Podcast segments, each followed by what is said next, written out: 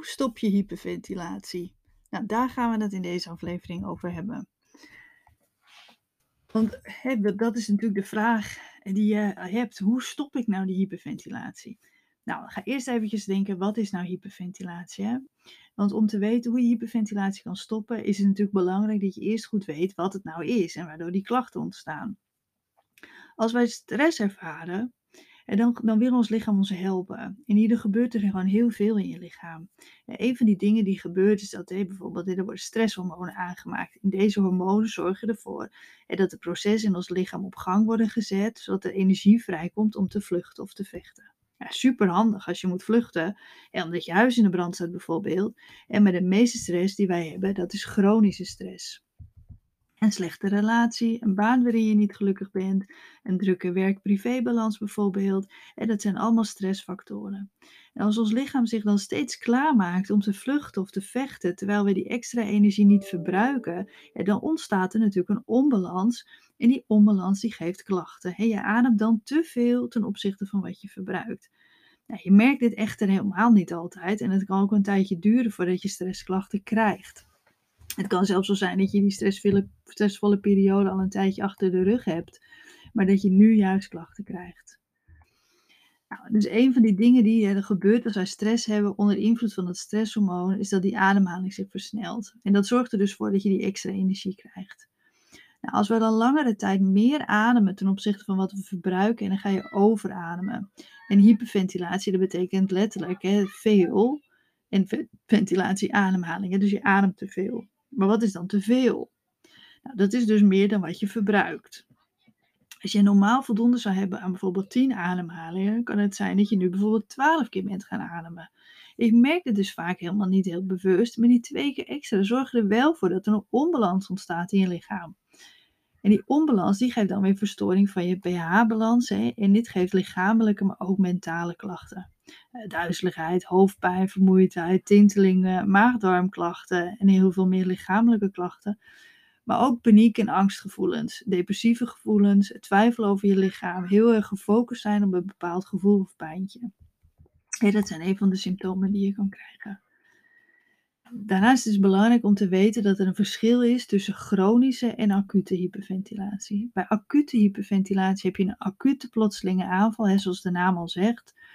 Je kan er voor je gevoel uit het niets overvallen worden door paniek, angst en een heel benauwd gevoel krijgen bijvoorbeeld. Bij chronische hyperventilatie heb je eigenlijk de hele dag door vage klachten, zoals duizeligheid en vermoeidheid. Nou, een acute aanval die kan komen doordat je schrikt eh, of slecht nieuws krijgt bijvoorbeeld. Maar ook omdat je al langere tijd spanning opbouwt. En die spanning komt er dan in één keer uit. Het voelt vaak als paniek en het kan heel beangstigend zijn.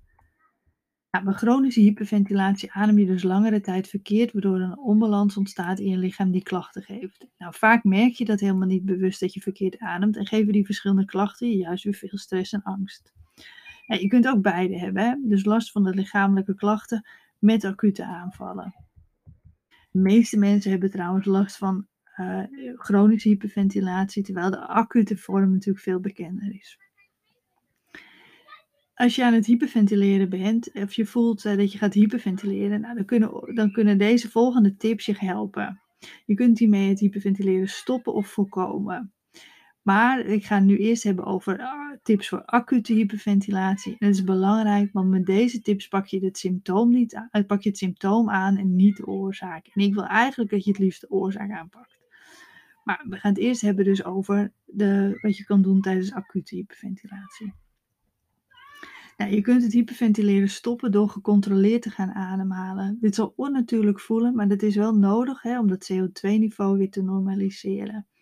Het gecontroleerd ademen kan je helpen om weer een normale ademhaling terug te krijgen. En als het lukt, dan zullen de klachten over het algemeen weer verdwijnen.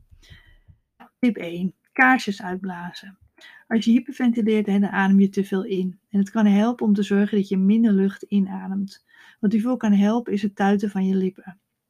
En doe net alsof je de kaarsjes op een taart uitblaast en hou deze positie van je lippen vast. Adem in door je neus en vervolgens adem je langzaam 5 à 6 tellen weer uit door de kleine opening van je lippen. En doe dat rustig, forceer niet en haal, herhaal dan net zo lang totdat je je weer beter voelt. als je al als kind de, taart, de kaarsjes op de taart uit mocht blazen, dan is grote kans dat je en dat ging doen. Maar dat willen we natuurlijk niet. Hè? Dus het gaat om dat je inademt en gewoon dat. Ik hoop dat je het kan horen. Hè? Je gaat dus niet dat doen.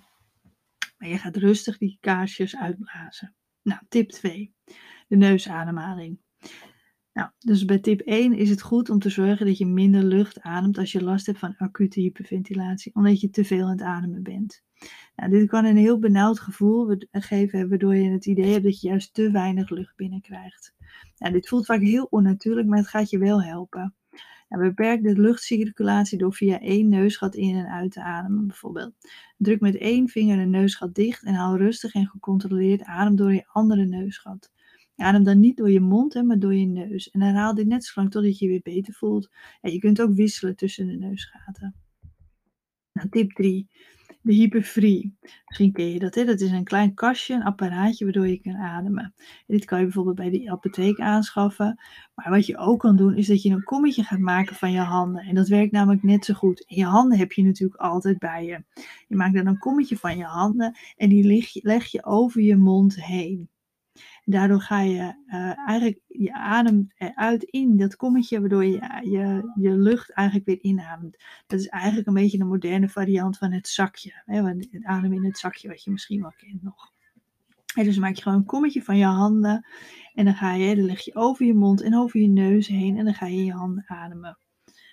En dat, ja, je handen heb je altijd bij je. En hyperfrie kan je ook aanschaffen hè, om daarin te gaan ademen. Maar let erop, het is echt een tijdelijke oplossing. En het werkt natuurlijk veel beter om de oorzaak aan te pakken. Nou, tip 4. Geruststellen. Nou, juist die angst voor je klachten, het twijfel en de paniek, hè, die zorgen voor meer stress. En dat is een natuurlijke reactie, maar probeer jezelf gerust te stellen. Weet dat er niks gebeurt en spreek jezelf rustig en bemoedigend toe. En gebruik zinnetjes als ik ben veilig, er gebeurt niks, of andere die je prettig vindt. En boos worden op jezelf, gaan koekelen op je klachten, bevestiging vragen aan je omgeving, zorg juist vaak voor meer stress. En train jezelf daarin. Nou, tip 5. Spieren ontspannen. Als je angstig bent, heb je vaak de neiging om veel spieren aan te spannen. vuisten van je handen maak je, je schouders trek je op, je buik span je aan en zelfs, waarschijnlijk zelfs je voeten. Nou, dit heeft allemaal invloed op je ademhaling. Laat heel bewust alle spieren los, van je tenen tot aan je kruin. Met speciale aandacht voor die voeten, je billen, je buik, je schouders en je gezicht. En ook in die volgorde. En waarschijnlijk zitten na een paar tellen je schouders alweer omhoog, maar dat maakt niet uit. Steeds even bewust je spieren loslaten en ontspannen. Dat gaat je echt heel erg helpen. Want als je spanning hebt in je voeten, heeft dat een directe invloed op de ademhaling. Net als de spanning in je schouders. Nou, tip 6. Even je houding. Naast het ontspannen van je spier is het belangrijk dat er voldoende ruimte is in je lichaam om goed te ademen. Je zit dus rechtop, waardoor er voldoende ruimte is bij je middenrif en borstkas. Naast dat, het vaak heel, dat je vaak heel veel spieren aanspant, als je bang bent, maak je jezelf ook vaak kleiner. Je hebt vaak je armen over elkaar, je kruipt in elkaar. Dit zorgt ervoor dat er niet voldoende ruimte is in je lichaam. Probeer dus ontspannen rechtop te gaan staan en zitten. En ook als je liever ligt, zorg dat er dan voldoende ruimte in je borstkas is. Nou, dat waren de tips voor de acute hyperventilatie. Er zijn natuurlijk ook tips die je kan doen voor de langere termijn, dat je die chronische hyperventilatie aanpakt. Want het is het allerbelangrijkste om de oorzaak aan te pakken, waardoor je minder stress ervaart en geen aanvallen meer zult krijgen. Dus zorg ervoor dat je goed voor jezelf zorgt. Neem op tijd je rust en vermijd stress zoveel mogelijk. Nou, als je last hebt van chronische hyperventilatie, dan ervaar je vaak verschillende lichamelijke klachten die je de hele tijd hebt. De klachten kunnen wisselen, maar je voelt je zelden een tijdje echt helemaal goed en fit. Bij het acuut is het vaak spontaan uit het niets en dat gaat vaak gepaard met ja, angst en paniekgevoelens. Het chronische, dat kan gewoon de hele dag zo zijn. Nou, tip 1. Weet wat hyperventilatie is en waardoor je klachten ontstaan. De belangrijkste eerste stap is weten wat je markeert, wat hyperventilatie is en wat stress doet met je lichaam. Als je dit beter begrijpt, dan zal er meer rust komen. Nu blijf je vaak twijfelen over de oorzaak van je klachten en dit geeft dan weer stress. En zo blijf je in een vicieuze cirkel. Verdiep je dus goed in wat het is en wat de oorzaken van je lichamelijke klachten zijn. Op mijn website kan je heel veel uitleg vinden via de zoekoptie bijvoorbeeld. En dan kan je je zoekwoord of klacht intypen en dan krijg je alle uitleg die ik erover gelezen heb, uh, die ik erover geschreven heb. Nou, tip 2. Inzicht krijgen. De belangrijke volgende stap is meer inzicht krijgen in het ontstaan van je klachten. Ik raad altijd aan om een tijdje een dagboek bij te houden om meer inzicht te krijgen wat jouw stress geeft. Want pas als jij weet wat de oorzaak is van je klachten, weet je ook wat je hieraan kunt doen. Vaak overvallen de klachten je namelijk, terwijl er eigenlijk altijd wel een patroon in te herkennen is. Alleen is het vaak lastig om dat van jezelf te herkennen. En daarnaast weten we vaak al niet meer wat we een paar dagen terug, gisteren of zelfs een paar uur terug hebben gedaan. Dus in noteren geeft heel veel inzicht. Ik heb ook al een podcast hierover opgenomen, dus luister die zeker ook. Nou, zorg heel goed voor jezelf. Dat is tip 3. Sta jij namelijk hoog op je eigen prioriteitenlijstje? Dan zorg je goed voor jezelf.